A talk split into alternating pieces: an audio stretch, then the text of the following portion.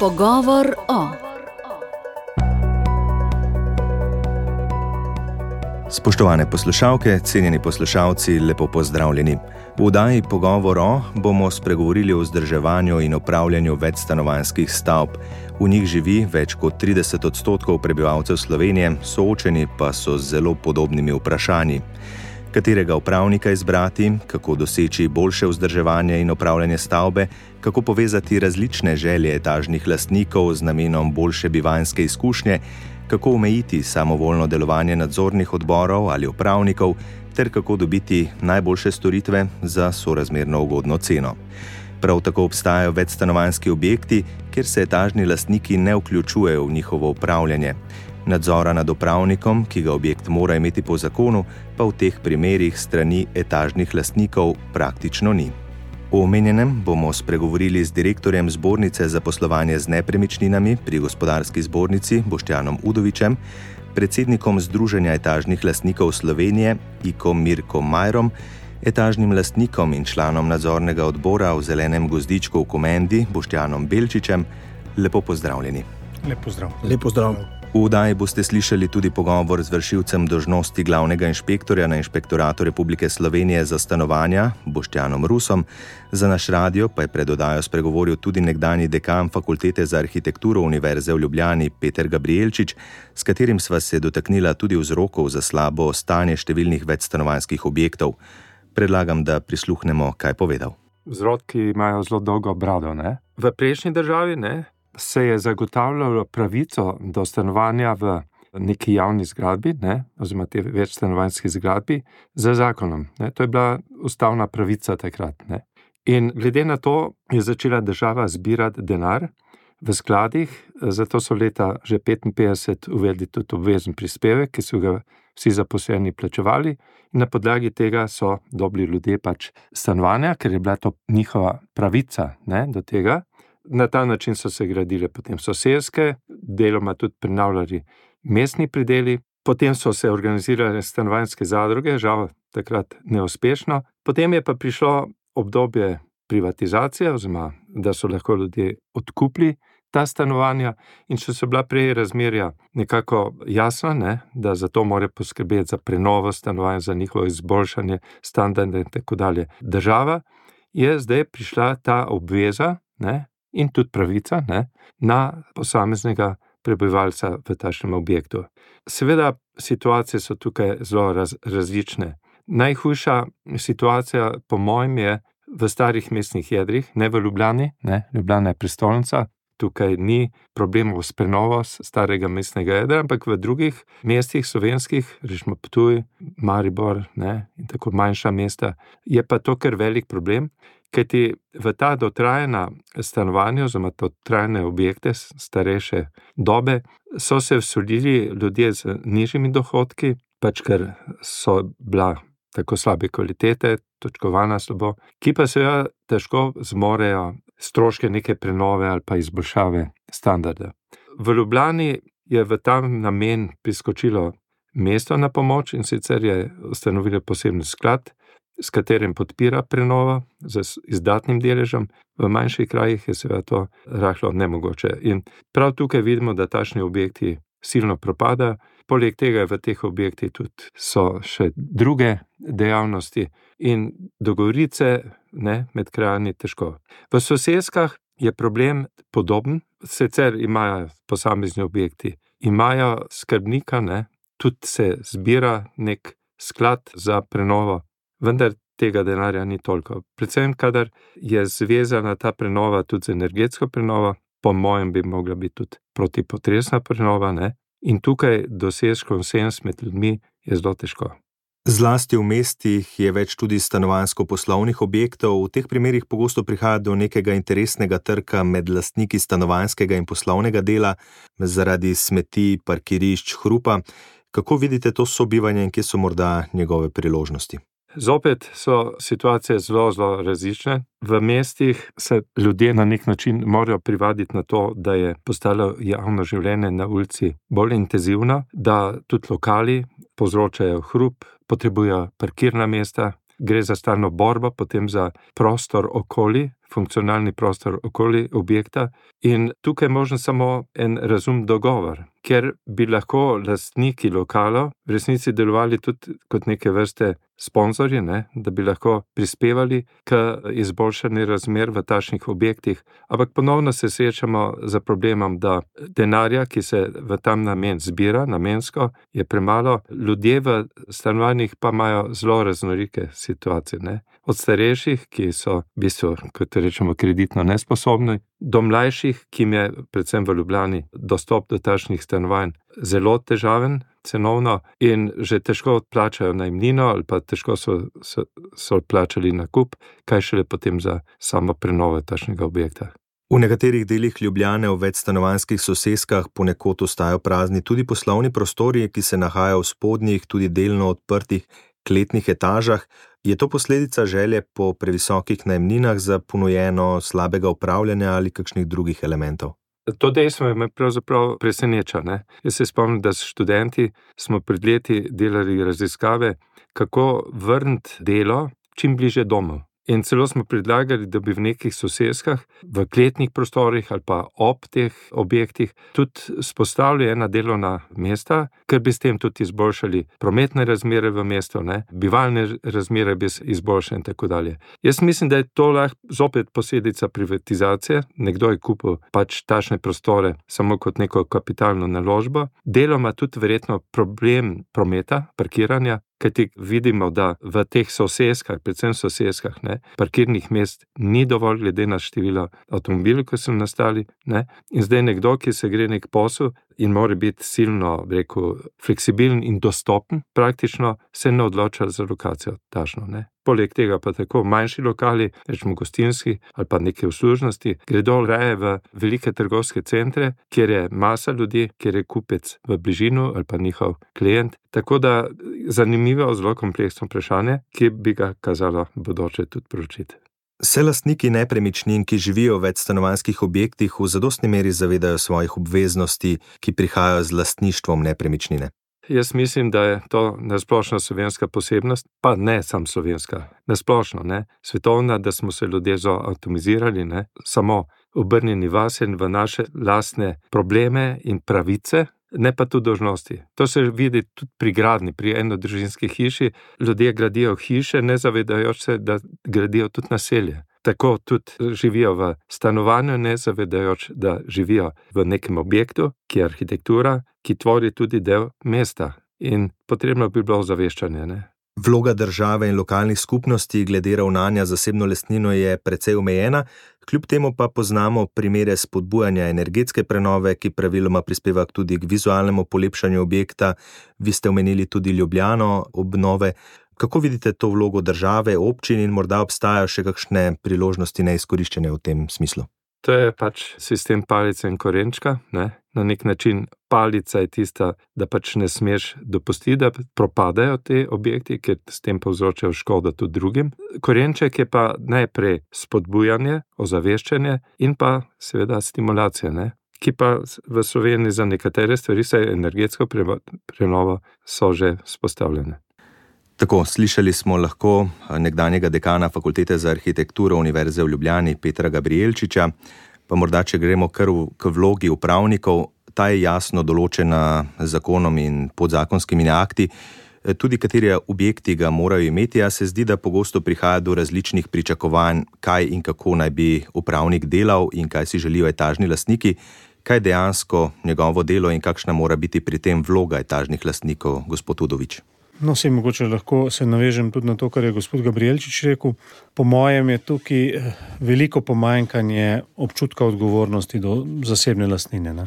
S to privatizacijo, takrat po Jazbinškovem zakonu, smo pač ta stanovanja, lahko rečemo, razprodali ali kakorkoli razdelili med državljane, s to lastnino pa ni prišlo tudi do tega občutka odgovornosti do svojega, da je treba poskrbeti. Tako da zdaj vloga upravnika je seveda, eh, če čist poenostavim, je nek zastopnik, zakoniti zastopnik oziroma zakoniti pooblaščenec etažnih lastnikov in mora izvajati vse tisto, kar je v njihovem interesu, se pravi naloge, ki so pomembne za to, da se ohranja neka substanca stavbe, da stavba lahko funkcionira. Zdaj, da bi te naloge vse naštevali, jih je že v stanovanjskem zakonu preveč, poleg tega pa vsak nov zakon, ki pride ven, pa se nanaša na večstanovanjske stavbe, prenese še kakšno obveznost, tako in drugačno. Ključno je, da je upravnik strokovnjak, ne? zato eh, zakonodajalec od njega eh, marsikdaj zahteva določene aktivnosti, ker se pričakuje, da je za to pač strokovno usposobljen. Problem je, da na drugi strani zakon eh, od upravnikov ne zahteva tudi nekih strokovnih znanj ali pa ne postavlja nobenih pogojev, in mogoče tukaj prihaja do neke diskrepance, na katero tudi mi opozarjamo. Se pravi, če od upravnika zahtevamo določene strokov, izvajanje določenih strokovnih nalog, bi mogli na drugi strani seveda zahtevati oziroma pričakovati, da uh, to dejavnost opravljajo samo tisti, ki so za to strokovno usposobljeni. Zdaj, načeloma, jaz mislim, da v večini primerov to drži, ampak v, v zakonu tega pogoja ni in imamo številne primere, ko se ljudje začnejo s to dejavnostjo malo tako za zraven ukvarjati. Ne. Glavnem je pa, je pa to, no, iz tiste odgovornosti do zasebne lastnine izhaja, da je še vedno to v največji, v največji meri odvisno od etažnih lastnikov. Pravniki lahko še boljši, pa če so, se oni med sabo ne uskladijo, če oni niso aktivni, bo, bo zelo težko stavba eh, kvalitetno upravljana in vzdrževana. Upravniki delujejo v različnih organizacijskih enotah, eh, od SP-jev do DOO-jev. Njihovo delo je strani države nadzirano zelo omejeno, pogosto je odsoten tudi nadzor strani etažnih lastnikov to pušča kar nekaj odprtih mest, kjer lahko pride do izkoriščanja položaja, gospod Majer. Tukaj je velika samovolja, uh, samovolja pa netransparentnost in slabo gospodarjenje uh, z etažno lasnino, kar se je to pokazalo tudi v današnjem času. Čeprav upravniki, kot je rekel gospod Tudovič, imajo pač določene svoje naloge. Včasih se pa zgodi, ali pa večinoma se zgodi, da to oni dobesedno izkoriščajo etažno lastnino. In se dogaja to, da etažne lastnike dajo v drugi uh, red, namesto uh, da bi upravnik je samo, uh, kako bi rekel, servis etažnemu lastniku, se dogaja, da je ravno obratno. In tukaj pride do velikih, velikih anomalij, ki se pač dogajajo zdaj v tem uh, stanju. Je pa tudi res, uh, da je pa etažni lasnik lahko v zelo podrejenem uh, položaju glede izvoljenega upravnika ali dodeljenega upravnika. Nekaj smo dali predlog za tudi v zakon, ki je bil nekako sprejet iz naših analiz je bilo nekaj sprejetih problemov, ki so se dajali na uh, etažno lastnino, samo veliko jih pa še ni. Tako da tukaj zdaj govoriti samo, da je upravnik tisti, ki ima palico nad etažnimi lastniki, bi se ne bi glih strinjal.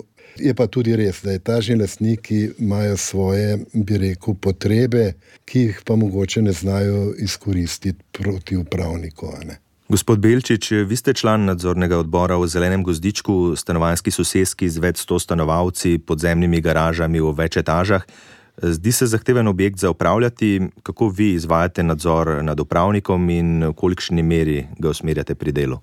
Če bi eh, povzel eh, našo zgodbo na začetku, bi rekel, nadzorni odbori v večstanovanskih stavbah, moje izkušnje so približno takšni kot sveti staršev v šolah. Se pravi, ali imamo koga, ki se javi, če ne določimo prostovoljce. Ne. E, to je prva težava, se pravi, ponavadi ta del nikogar ne zanima. Ne. Če začnemo, ne. to so neki ljudje, ki so na pol prisiljeni v to zgodbo, ne.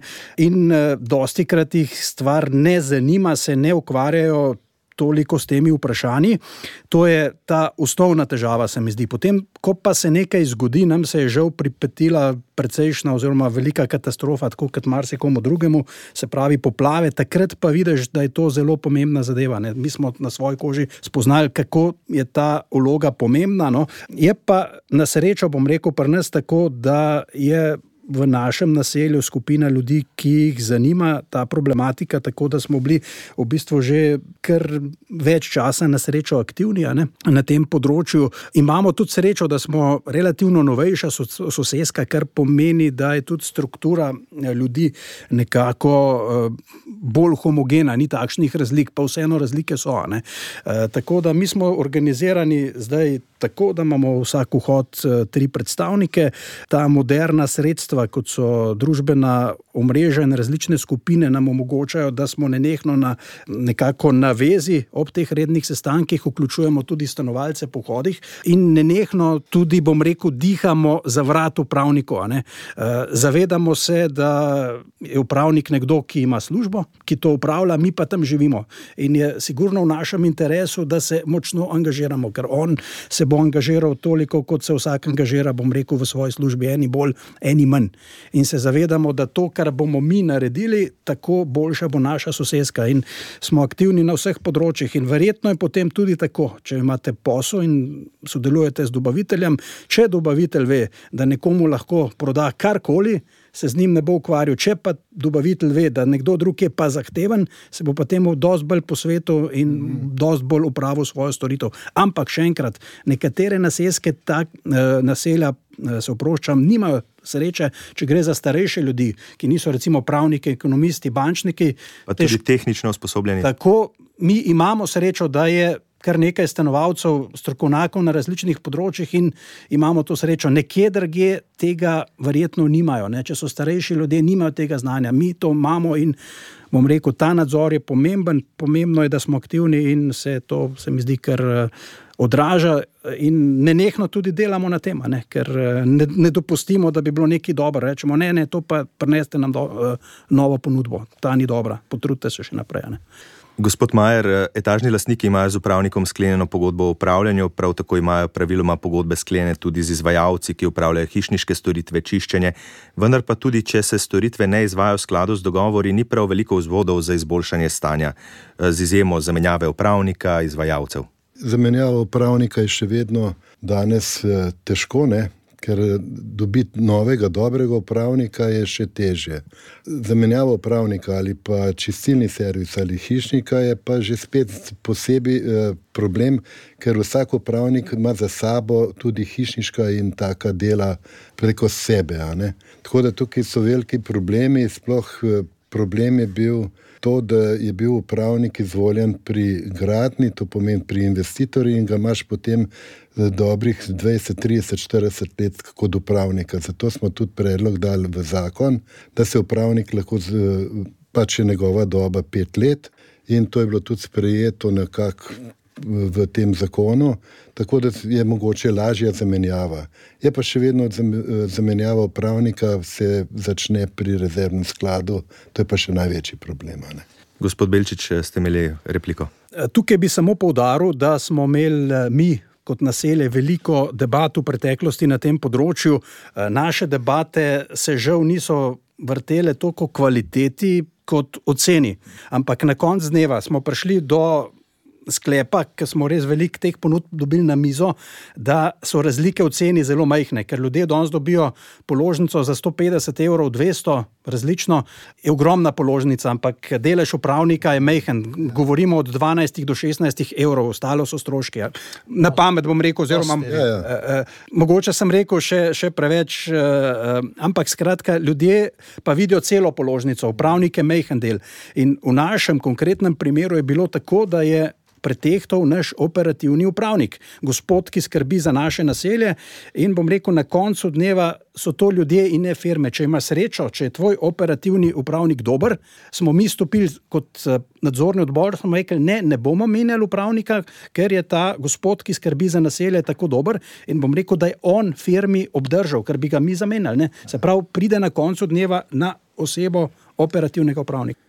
Gospod Udovič, eh, upravniki so različno organizirani, nekateri so manjši, drugi večji, sami ponujajo različno paleto storitev.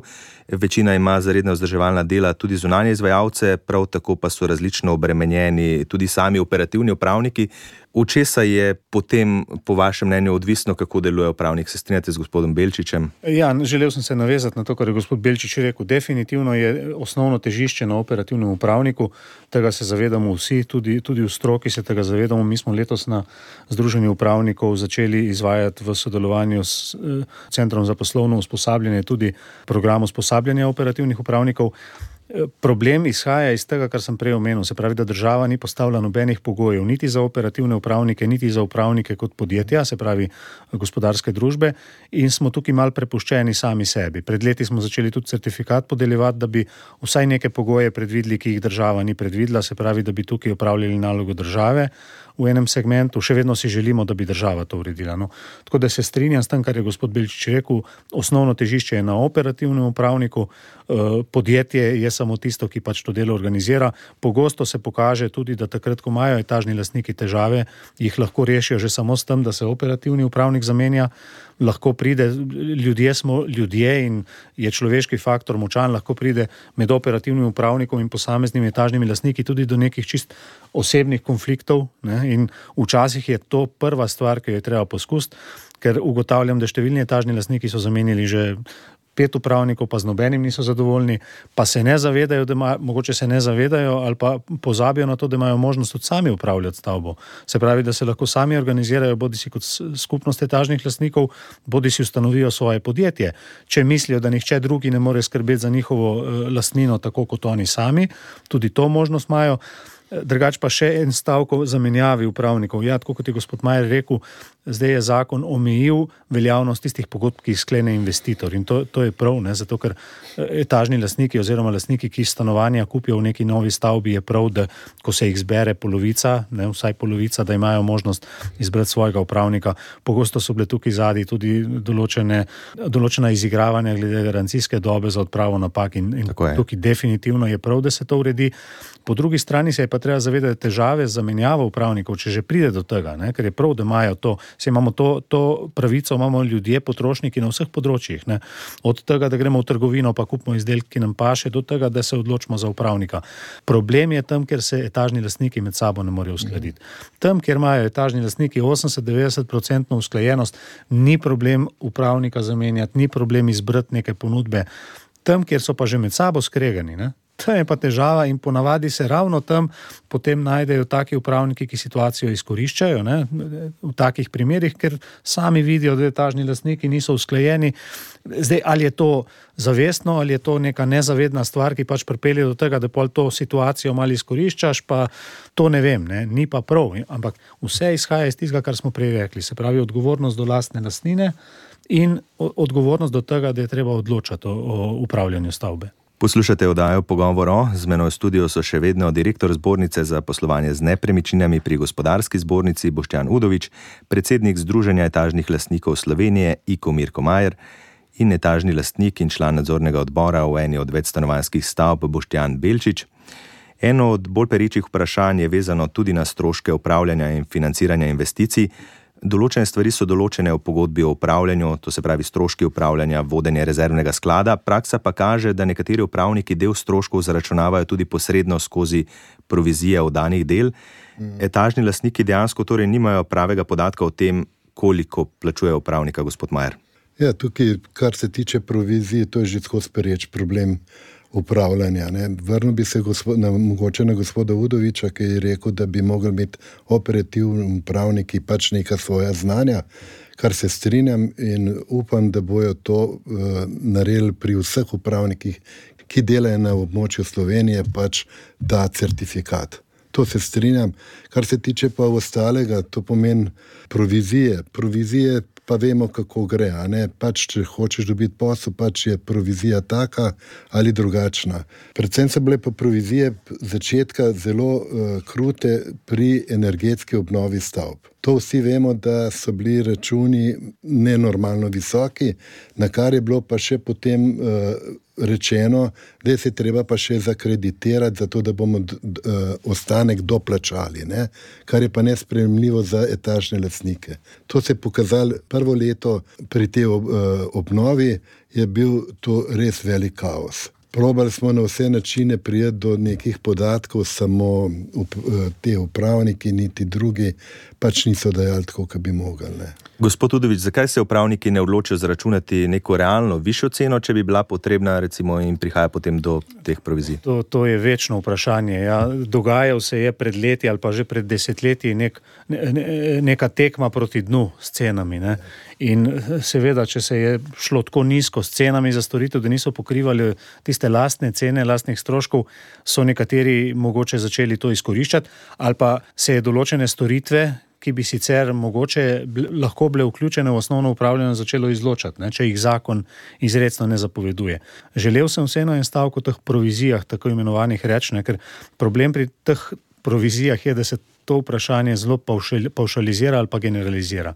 Absolutno se strinjam z gospodom Majerjem, da provizije niso dopustne. Sploh provizije v smislu, da bi nekdo prejel nek denar za to, da nekomu zrihta posel. To je absolutno prepovedano in če taki primeri so, jaz večkrat tudi etažnim lastnikom povem, jih je treba pač prijaviti, če vemo za take primere. Problem pa je, da se pogosto v te tako imenovane provizije tlači tudi plačila za storitve, ki so pa povsem upravičene, racionalne, normalne in če jih ne bi izvedel upravnik, bi jih mogel izvesti nekdo drugi. Ne? In pred leti je bila zelo pereča problematika teh tako imenovanih provizij pri zavarovalnih pogodbah in na koncu takrat, ko je to bruhnilo ven kot neka afera, je bilo na vseh televizijah ogromno tega, čez dve leti, ko je pa upravno sodišče odločilo v tistem konkretnem primeru, ki ga je ena zavarovalnica sprožila proti agenciji za varovalni nadzor, ko je upravno sodišče ugotovilo, da tam ni šlo za provizije, ampak za upravičeno plačilo za izvedeno storitev oziroma za prevzem tveganja za plačilo računov, takrat tega seveda noben medij ni omenjal. Ne. Jaz imam tisto sodbo posebej spravljeno na posebnem mestu, da vedno, ko pride do tega, jo lahko tudi pokažem, ker je upravno sodišče ugotovilo, da je bilo v pogodbi zapisano točno, zakaj je tisto plačilo namenjeno. Ne? In da v nobenem primeru, tistem, ki so jih pač na sodišču preučevali, jaz dopuščam možnost, da v določenih primerih prihaja do tega, da v tistih primerih ni šlo za provizije. Ne? Ampak to je mogoče problem tega poenostavljanja, pa generaliziranja pri nas. Gospod Belčič, se je temu mogoče izogniti, recimo s pridobivanjem ponudb strani etažnih lastnikov, oziroma kako vi skrbite za ta nadzor nad temi stroški? Zdaj, mogoče glede provizij, marsikaj se hitro govori, ne? tako da v šali bom rekel tudi na nadzorni odbor ima že zdaj eh, hiše v Crmatu, naprimer, ne, če se malo pošalim. Ne. Eh, ampak, eh, če gremo za res nazaj k temi, zgodba je taka. Ne. Pri nas dolgo časa ljudje, stanovalci, niso vedeli, da lahko pripelje svojega izvajalca. Ne vem, kako je z drugimi upravniki. Mm. Pri nas je bilo vedno, če imate koga, ki bo naredil to bolje ali ceneje, ga pripeljte.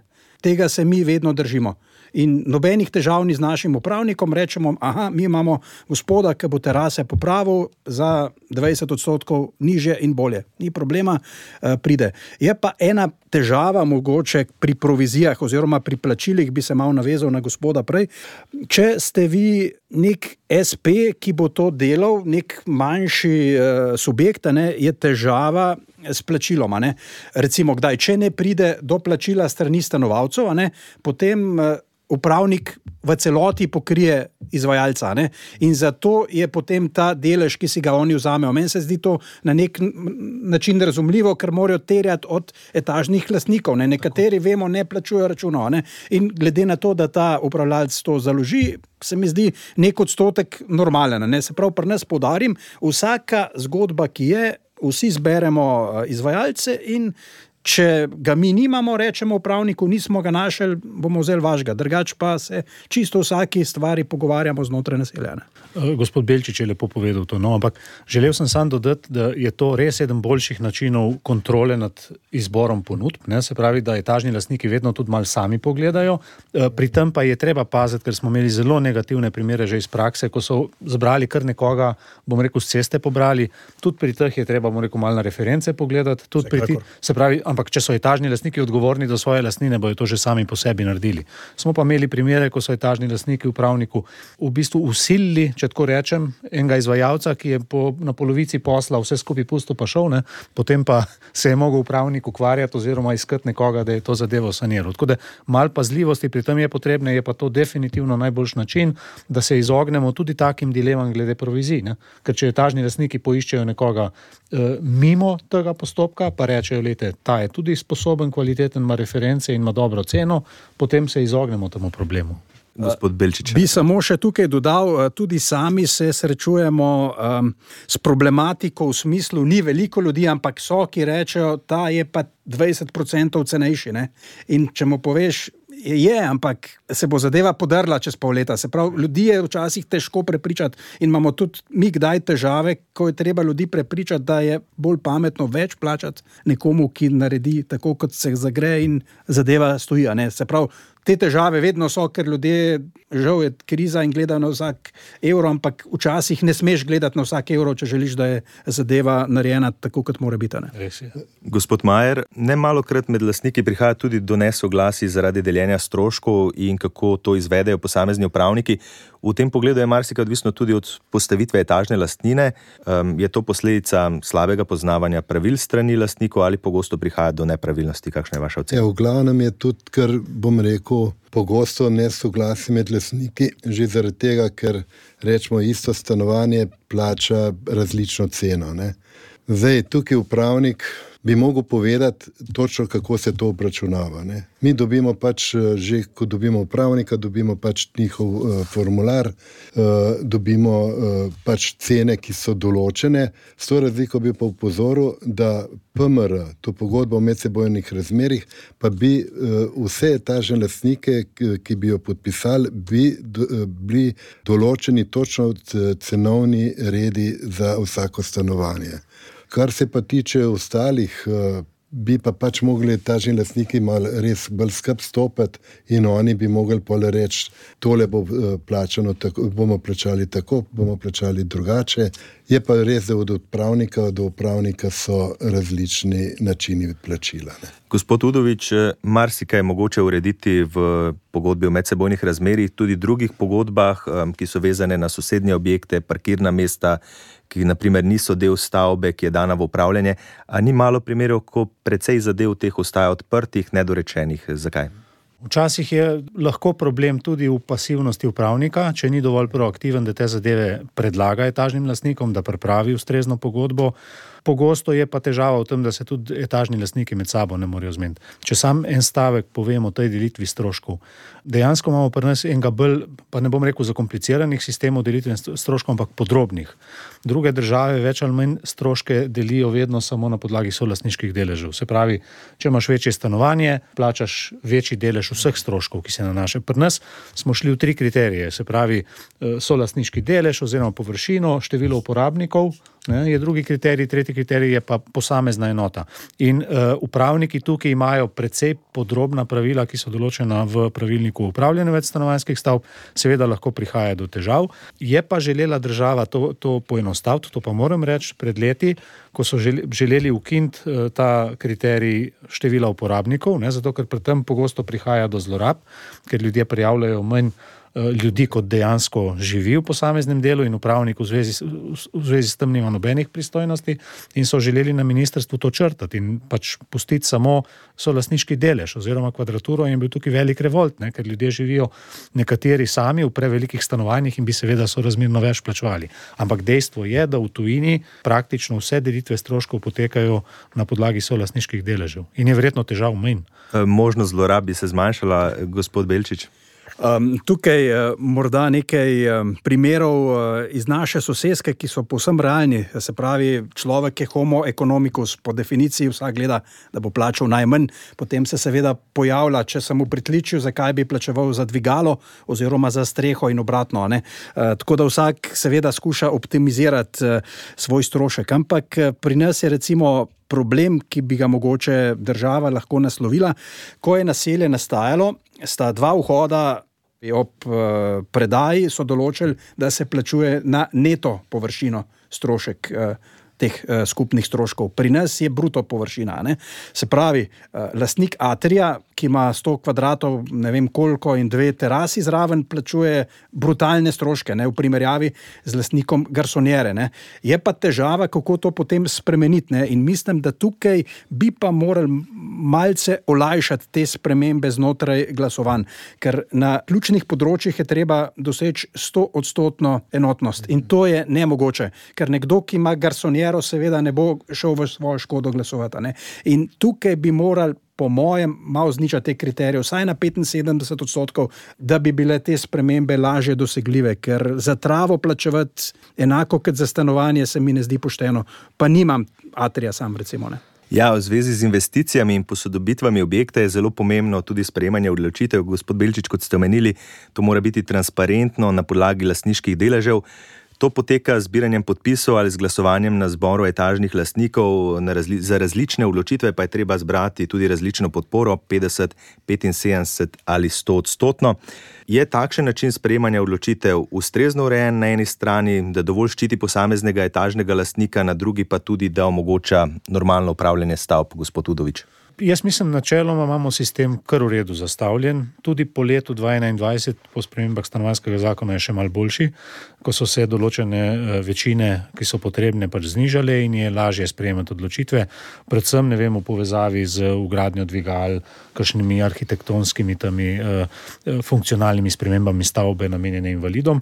Tako da po eni strani je zakonodajalec takrat predvidel manjše, eh, manjše stopnje mm. soglasij, ki so potrebne, po drugi strani pa je dal tistemu, ki je preglasovan, neke pravne vzvode, da lahko pač se zaščiti. Je pa res, da so tudi tukaj noter še vedno težave in vedno bodo, ne, in vedno bojo kakšni problemi, ki bi se jih dalo bolje urediti. Prav je, da vsi tisti, ki smo vključeni v ta proces, na to opozarjamo. In uh, tukaj to, kar je gospod Belčič rekel, se tudi absolutno strinjam. Uh, ne strinjam se uh, nujno samo vsebino, ampak definitivno pa je uh, na tem področju precej, precejšen kaos, oziroma v različnih stavbah imajo te stvari različno rešene, vse pade na načrte tažne delitve delitve, tako kot je bil zastavljen, tako se sedaj te stroške mm. plačuje, in načrt etažne delitve se pa lahko spremeni samo s 100-odstotnim soglasjem.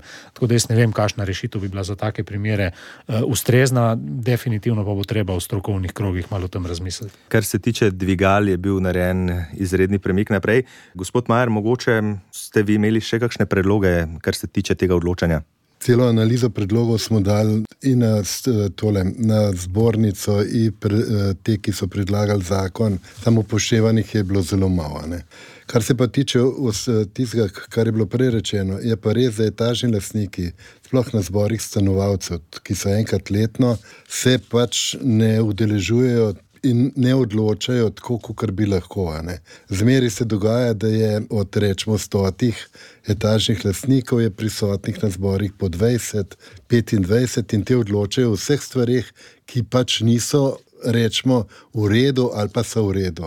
Ja, če sploh je, odločajo ali imajo pa celo ponovljen zbor. In potem, ko je po ponovljenem zboru, jih pride pa na mest tistih 20-30, ki jih bilo na prvem, jih pridejo pet in oni pač dvignejo roko in pač se da, dodeli tista sprememba na stavbi.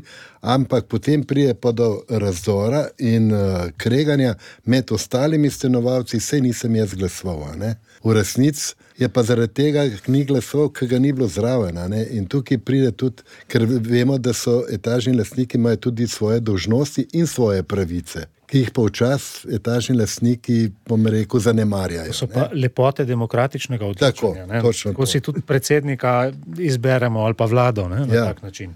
Tako. Gospod Belčič, mogoče še kako poteka to iskanje soglasij in kako pogosto pride do nekih delitev, da bi se vzpostavila dva, celo tri tabori, ki zagovarjajo drugačne ali povsem nasprotne odločitve pri nekaterih tematikah. To se nedvomno dogaja, dogaja se kar pogosto, bom rekel, žal. Uh, se tudi meni zdi, da so ponavadi najbolj glasni tisti, ki, ki jih nikoli ni na zborih. To, to je najbolj žalostna zgodba, ne? ki včasih niti ne poznajo vseh ozadij in potem kritizirajo. Jaz ne bom rekel, da delamo brez napak, sigurno so napake, vse dogaja tudi na strani upravljalca, kar je logično. Ampak, kot rečeno, moraš biti aktiven, če te ni zraven in potem, ko so odločitve sprejete, kritizirati isto kot z volitvami, ki se ljudje danes pritožujejo, kakšno stanje je v državi in ga vprašaš, ali si bil na volitvah, mar se kdo ne gre. In če ne greš, enostavno ne odločaš, tukaj je isto. Ja, potem, kako mi to rešujemo z argumenti, sestanki, z debato in na koncu z glasovanjem, ne, druge nire. So pa te odločitve včasih, kot sem rekel, vsak gleda na svojo korist. Nekdo, ki ima garsonjero, ne, se mu sigurno gre, da bo plačal na neto kvadraturo ali, pardon, še bolje na bruto. Ne? Ker če bo pa plačal ne bo v svojo škodo glasoval. Ja. To, to sem želel prej povedati, kar je gospod Belčič lepo izpostavil. Sveda vsak gleda na svojo korist, ampak mm. etažni lastniki, to sem jaz opazil že tudi v medijih, se ne zavedajo, da kakorkoli sebi v teh razmerjih pridobijo neko koristijo na škodo drugih etažnih lastnikov. Marsikdo si, game, ja. tako, marsikdo si misli, da če bom jaz tukaj si znižal ali pa bom prijavil samo enega uporabnika, bom upravnika prinesel okoli. Nikoli, ker upravnik bo 100% stroškov razdelil med etažne lastnike in se pravi, bojo na škodi ostali etažni lastniki, ne upravnik. Tukaj bi samo mogoče uskočil. Pri nas ne bom trdil, da je tako, pa mislim, da je glede smeti. Plačujemo po osebah, mislim pa, da publikus naredi izračun na podlagi ljudi, prijavljenih v občini. Se pravi, se ljudje, ki so prijavljeni, ne ujemajo s podatkom stanovalcev. Se pravi, dejansko jih je več, prijavljenih je manj in potem se razdeli. In mogoče bi te povezave se lahko vzpostavile na področju države, da bi bili to neki ključni. To smo državi Tako, povedali, ne. da če že imamo kriterij števila oseb za delitev določenih stroškov, ja. da je treba narediti en korak vsaj v poenotenje teh evidenc, ki jih imamo, to, da, se, da se pogleda, kje prihaja do nekih diskrepanc in da se konec koncev tudi kaznuje tiste, ki zavestno prijavljajo drugačno stanje, zato ker želijo, bo rekel si, neko korist, ki je neupravičena v takem primeru izboriti. No, se to so primeri, rečemo, primeri, ki upravnik nima pravice vstopa, da bi pregledal točno, koliko jih je na tistem naslovu stanuje. Ne. Imamo pa primere, ki, imajo, ki točno vejo, da rečemo domača žival, pes, dober mački, pa take stvari ne spadajo tu, ampak vsi pa, da je polovica stroška. Odrasle osebe. Ampak to se dogaja pa v naseljih, velikih naseljih, kjer uh, noben ne bo rekel, da ja, ima pa psa, da je mu še polovico. Pač tukaj so te anomalije, ki prihajajo iz dneva v dan. In tudi ljudje ne prijavljajo teh domačih živali. Ne? Čeprav rečemo, je stopnica visoka, rečemo 12 na stropi, iz psa greš petka česka dol, se dvigalo pokvar, plačajo vsi. In tu je tukaj tudi velika problematika. Ja, v večstanovanjskih objektih obstaja tudi več možnosti za različne spore, konflikte, najlažje jih je rešiti z dogovorom, kar pa včasih ne gre in je treba izbrati sodno pot ali poiskati pomoč pri inšpektoratu Republike Slovenije za stanovanja. Pristojnosti tega so sicer zelo omejene, predodajo sem se pogovarjal z vršilcem dožnosti glavnega inšpektorja Boštjanom Rusom, ki je v vlogi stanovanjske inšpekcije povedal. Za javni interes na stanovanskem področju se šteje zlasti zagotavljanje takšnega stanja večstanovanske stavbe, da je omogočena njena normalna raba za vse uporabnike, se pravi in za etažne lastnike, najemnike in druge uporabnike, in seveda zagotavljanje pogojev za učinkovito upravljanje večstanovanskih stavb, kot to opredeljuje stanovanski zakon s podzakonskimi akti. Ma pa stanovanska inšpekcija še eno pristojnost, da izvaja tudi nadzor nad tem, ali prodajalci pri prodaji enostanovanskih stavb potrošnikom ravnajo v skladu z določbami zakona o varstvu kupcev stanovanja. V katerih primerjih najpogosteje postopate? Če izhajam kar iz teh pristojnosti, ki sem jih naštel, je ukrepanje inšpekcije povezano takrat, kadar recimo skupni deli niso usposobljeni za normalno rabo, kot naprimer zamakanje strehe, skupne otočne inštalacije, Potem, recimo, kadar etažni lastnik ne zagotovi popravila v lastnem stanovanju, se pravi zamakanje iz zgornje v spodnjo kopalnico. Potem, recimo, kadar etažni lastnik ob vzdrževanju svojega posameznega dela brez večinskega soglasja poseže v skupne dele stavbe, recimo različni preboji za napet, klime in tako naprej. Potem lahko tudi začasno določimo upravnika, kjer bi ga po zakonu stavba morala imeti, in seveda tudi nadziramo delo upravnika, ne? kot naprimer, če ne stiče zbora, ne izdela zapisnika in tako naprej. Kar pa se ZVKS-a tiče, pa lahko prepovemo sklepanje prodajnih pogodb oziroma oglaševanje novogradnje, če niso izpolnjeni pogoji po zakonu, ki jih pač ZVKS določa. Ne? Zdi se, da je ukrepanje inšpekcije potrebno zlasti v primerih, ko ni zadostne aktivnosti ali na strani etažnih lastnikov ali upravnika. Drži ta ugotovitev? Na to vprašanje ni mogoče tako enostavno odgovoriti zdaj ali ne. Vsekakor pa lahko na podlagi izkušenj rečem ali pa pridem do nekega zaključka, da v večstanovanskih stavbah, kjer so aktivni etažni lastniki, se pravi, imajo tudi aktiven nadzorni odbor in kjer je aktiven upravnik, je v tem primeru manj težav oziroma nesporazume rešujejo sproti in v korist lastnikov. Ne? Ukolikor pa se etažni lastniki ne udeležujejo zborov oziroma svojih interesov niti jasno ne artikulirajo oziroma opredelijo, potem tudi upravnik nima nekih jasnih ciljev, kaj si lastniki želijo. Ne? Tako da potem tudi upravnik težko pripravi recimo nek načrt vzdrževanja za stavbo, se pravi, da planira neka vzdrževalna dela in seveda tudi porabo sredstev. Se pravi, nekje v splošnem bi lahko rekel, kjer je ta komunikacija slaba ali pa so aktivnosti upravnika recimo minimalne, ne, potem v takih primerih so tudi možnost nesporazumov je višja, kot pa sicer. Ne. Imate različne možnosti ukrepanja, kako odzivni so kršitelji ob sprožitvi postopka in kako pogosto je treba ukrepe stopnjevati? Namen inšpekcijskega postopka je vzpostavitev zakonitega stanja, ne, ob upoštevanju načela sorazmernosti. To pomeni, da tudi sami inšpekcijski zavezanci lahko to odločbo izvršijo. Ne.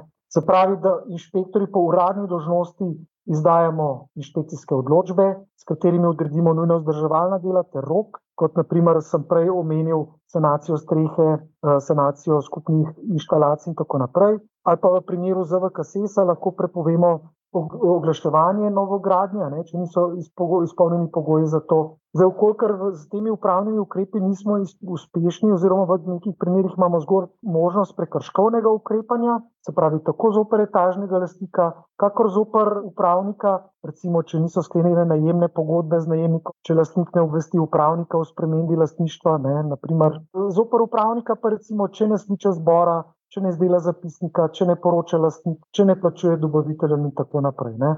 Pokolikor pa v inšpekcijskih postopkih nismo uspešni, se pravi, da ljudje kljub temu ne izvršijo naše odločbe, pa običajno uvedemo izvršilni postopek, to pa pomeni denarno prisiljevanje etažnih lastnikov do izvršitve odločbe. Tukaj bi pa upozoril, da v leta 2021 je notar nova, nov člen v zakonu, kjer pomeni, da mi etažne lastnike lahko prisiljujemo v določenem znesku do neke maksimalne vrednosti. Ne.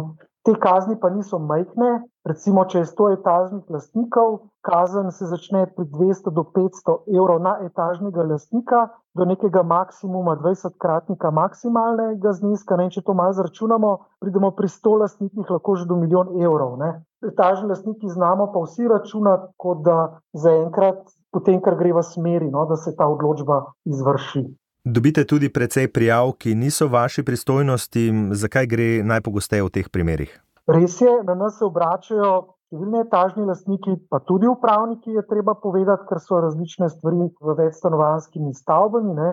Tako na pamet rečeno, prevladujejo vsebine, ki se dejansko nanašajo na medsosedske odnose, kot so naprimer kršitve hišnega reda, sušenje perila po hodnikih, razno parkiranje koles po vseh mogočih mestih v stavbah, parkiranje motorjev v kolesarnicah, se pravi nek režim parkiranja vozil, ki so parkirane vse posod okrog stavbe, povzročanje hrupa, potem dobimo razne dopise, da se etažni lastnik ne strinja z izdanim mesečnim obračunom oziroma razdelitvijo stroškov. Potem uveljavljene reklamacije za izvedene storitve, ne? ali pa so pri novogradnjih, ko govorimo o nekih stvarnih napakah, potem tudi eh, poskušajo uveljavljati neko nastalo škodo zaradi zamakanja. Mi ne moremo odločiti o škodi, ki je nastala. Ne. Želijo včasih, da presojemo veljavnost pogodb. Na nas so vprašali lastniki takrat, kar bi želeli izpodbijati sprejete sklepe etažnih lastnikov. Potem veliko je tudi raznih vprašanj v smeri, ne vem, goljofij, kraj, strani upravnika ali pa posameznikov. Skratka, številne take splošne zadeve, ki niso opuščene vzdrževanje stavbe. Zdaj, jaz vem, da nas je težko priklicati, mi se trudimo, da smo v času uradnih ur vseh pet stanovanjskih inšpektorjev na voljo, tako po telefonu kot osebno.